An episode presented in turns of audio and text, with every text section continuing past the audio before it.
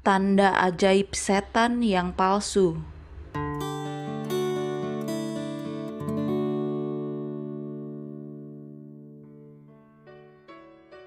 Perhatian saya ditujukan kepada ayat yang berikut ini yang diterapkan kepada spiritisme modern.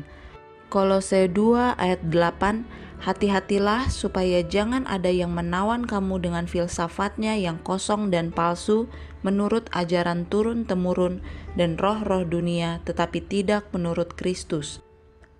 Ribuan orang yang ditunjukkan kepada saya yang sudah rusak karena filsafat ilmu frenologi atau ilmu melihat tengkorak orang dan melalui bentuk itu bakat dan watak orang ditentukan dan ilmu sihir binatang dan mereka itu telah ditawan oleh ketidakpercayaan.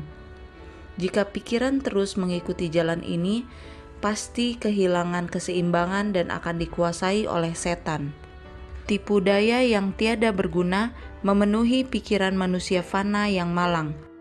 Mereka rasa ada kuasa di dalam diri mereka untuk mencapai usaha yang besar, sehingga tiada menyadari perlunya kuasa yang lebih tinggi Prinsip dan iman mereka adalah menurut pengajaran manusia dan menurut hikmat dunia, bukannya menurut Kristus.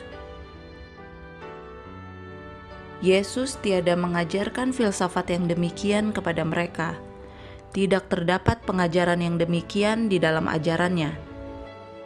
Dia bukannya menunjukkan perhatian manusia fana yang malang kepada diri mereka sendiri, kepada kuasa yang mereka miliki sendiri dia selalu mengarahkan pikiran mereka kepada Allah, Khalik alam semesta yang jadi sumber kekuatan dan kebijaksanaan bagi mereka. Pada ayat 18, amaran khusus diberikan.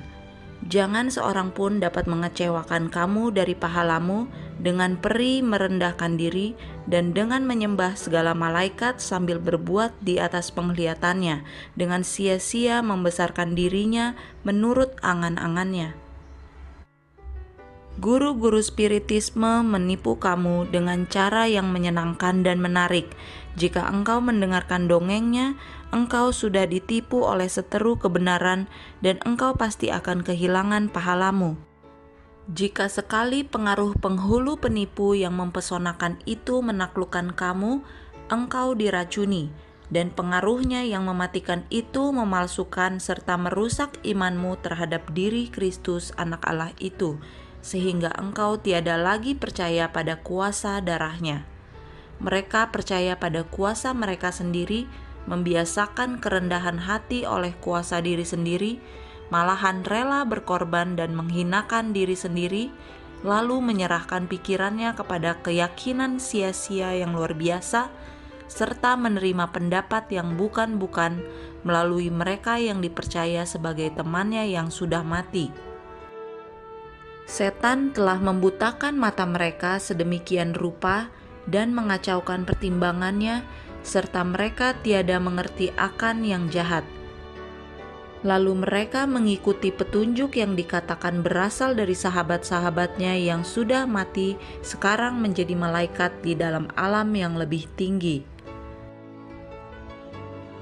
kepada saya telah ditunjukkan bahwa kita harus dijaga dari setiap penjuru serta bersungguh-sungguh menentang anjuran dan muslihat si setan. Dia telah mengubahkan dirinya sendiri menjadi malaikat terang serta menipu ribuan manusia lalu memperbudak mereka itu. Kesempatan yang diambil dari ilmu pengetahuan akan pikiran manusia adalah luar biasa.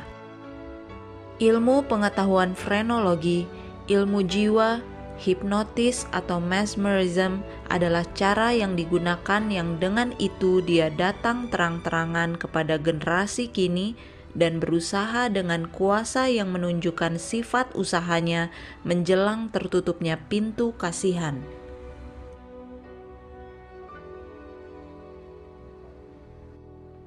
Menyerahkan pikiran seseorang ke bawah penguasaan orang lain.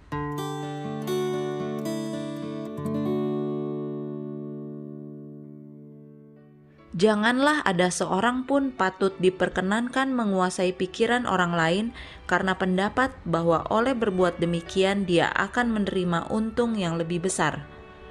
obat pikiran adalah salah satu muslihat yang paling berbahaya yang dipraktikkan pada diri seseorang.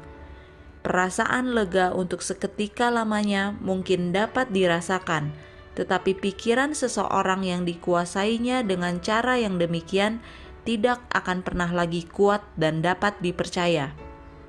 Mungkin kita adalah selemah wanita yang memegang ujung jubah Kristus tetapi jika kita menggunakan kesempatan kita yang diberikan oleh Allah untuk datang padanya dalam iman, Dia akan menyambut kita secepat Dia menjawab jamahan iman wanita itu.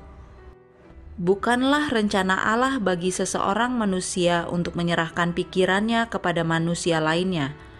Kristus yang bangkit itu, yang sekarang duduk di atas tahta di sebelah kanan Bapa, adalah tabib yang maha kuasa mintalah daripadanya kuasa penyembuhan.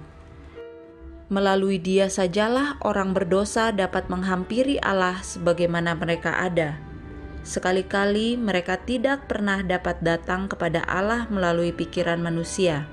Manusia sekali-kali tidak boleh menyela di antara pesuruh semawi dengan orang yang menderita masing-masing patutlah bekerja sama dengan Allah dalam menuntun pikiran orang lain kepadanya. Ceritakanlah kepada mereka dari hal rahmat dan kuasa Dia, tabib yang paling besar yang pernah diketahui oleh dunia. Kami tidak pernah meminta padamu supaya engkau menyerahkan dirimu sendiri ke bawah kuasa manusia mana pun. Obat pikiran yang seperti ini adalah ilmu pengetahuan yang paling jahat yang pernah diajarkan setiap makhluk yang jahat dapat menggunakannya dalam melaksanakan muslihat yang jahat. Kita janganlah ada hubungan dengan ilmu pengetahuan yang demikian. Kita harus takut bersangkutan dengannya. Sama sekali janganlah ada prinsip yang daripadanya masuk ke dalam lembaga mana pun. Kelalaian dalam doa menyebabkan orang mulai berharap pada kuasanya sendiri dan membuka pintu bagi pencobaan di dalam banyak hal, angan-angan disibukkan oleh penyelidikan ilmu pengetahuan, dan manusia menyombongkan karena menyadari akan kuasanya sendiri. Ilmu pengetahuan yang mempelajari pikiran manusia sangat diagung-agungkan. Memang hal itu baik bila pada tempatnya, tetapi ilmu ini telah dikacaukan oleh setan dan digunakan menjadi alatnya menipu serta merusak jiwa-jiwa. Kelihatannya ini diterima seolah-olah berasal dari surga. Dengan demikian, setan disembah, lalu dia pun senang. Dunia yang dianggap beroleh banyak faedah dari ilmu pengetahuan frenologi dan mantra binatang, tiada yang lebih jahat daripada yang sekarang ini. Melalui ilmu seperti ini, kebajikan dibinasakan, lalu landasan spiritisme pun dibentangkan. sulap dan tahyul.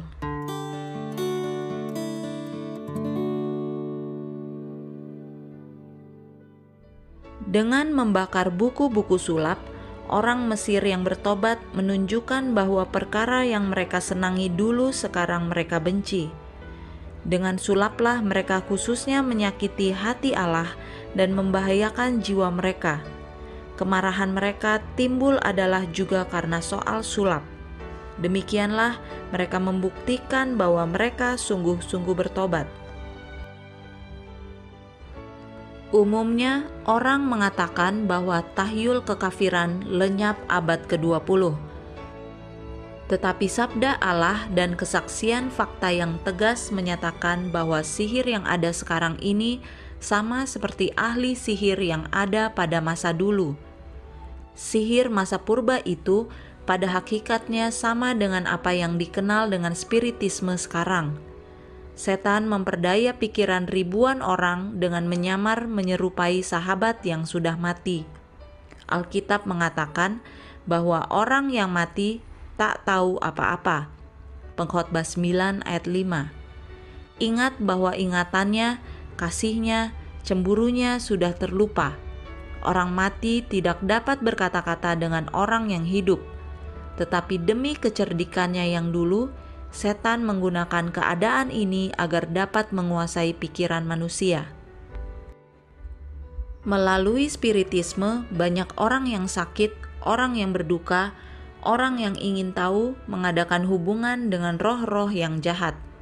Semua orang yang mencoba melakukan ini berada dalam keadaan yang berbahaya.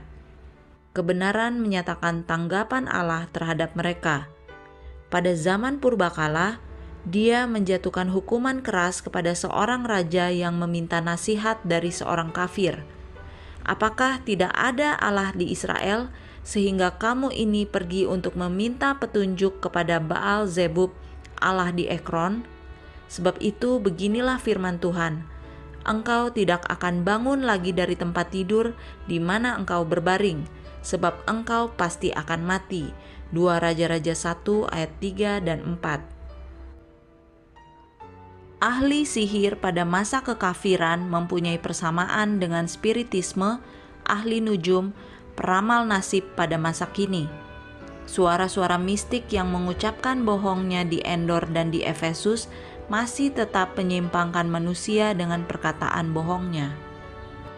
Sekiranya tirai yang menyelubungi mata kita dapat disingkapkan, kita akan dapat melihat malaikat-malaikat jahat menggunakan segala kelicikannya untuk menipu dan membinasakan orang. Di mana saja pengaruh itu digunakan untuk melupakan Allah, di situlah setan menggunakan kuasa dan mantranya.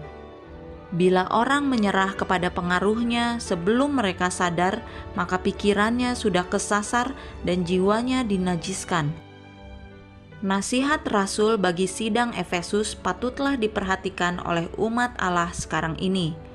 Janganlah turut mengambil bagian dalam perbuatan-perbuatan kegelapan yang tidak berbuahkan apa-apa, tetapi sebaliknya telanjangilah perbuatan-perbuatan itu. Efesus 5 ayat 11.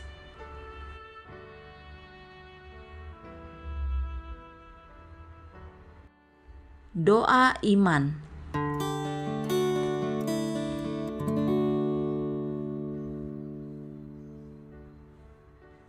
Jika mata kita dapat melihat malaikat yang berdosa memperdaya mereka yang merasa dirinya aman, kita tidak akan merasa begitu aman.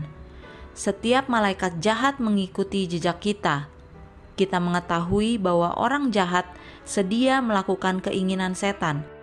Dan apabila kita tiada waspada terhadap pesuruhnya yang tidak kita tampak, mereka bekerja dengan cara yang baru serta melakukan tanda ajaib dan mujizat pada pemandangan kita. Apakah kita bersedia melawan mereka dengan firman Allah, satu-satunya senjata yang dapat kita pergunakan dengan sukses? Beberapa orang akan tergoda menerima tanda ajaib ini seperti berasal dari Allah.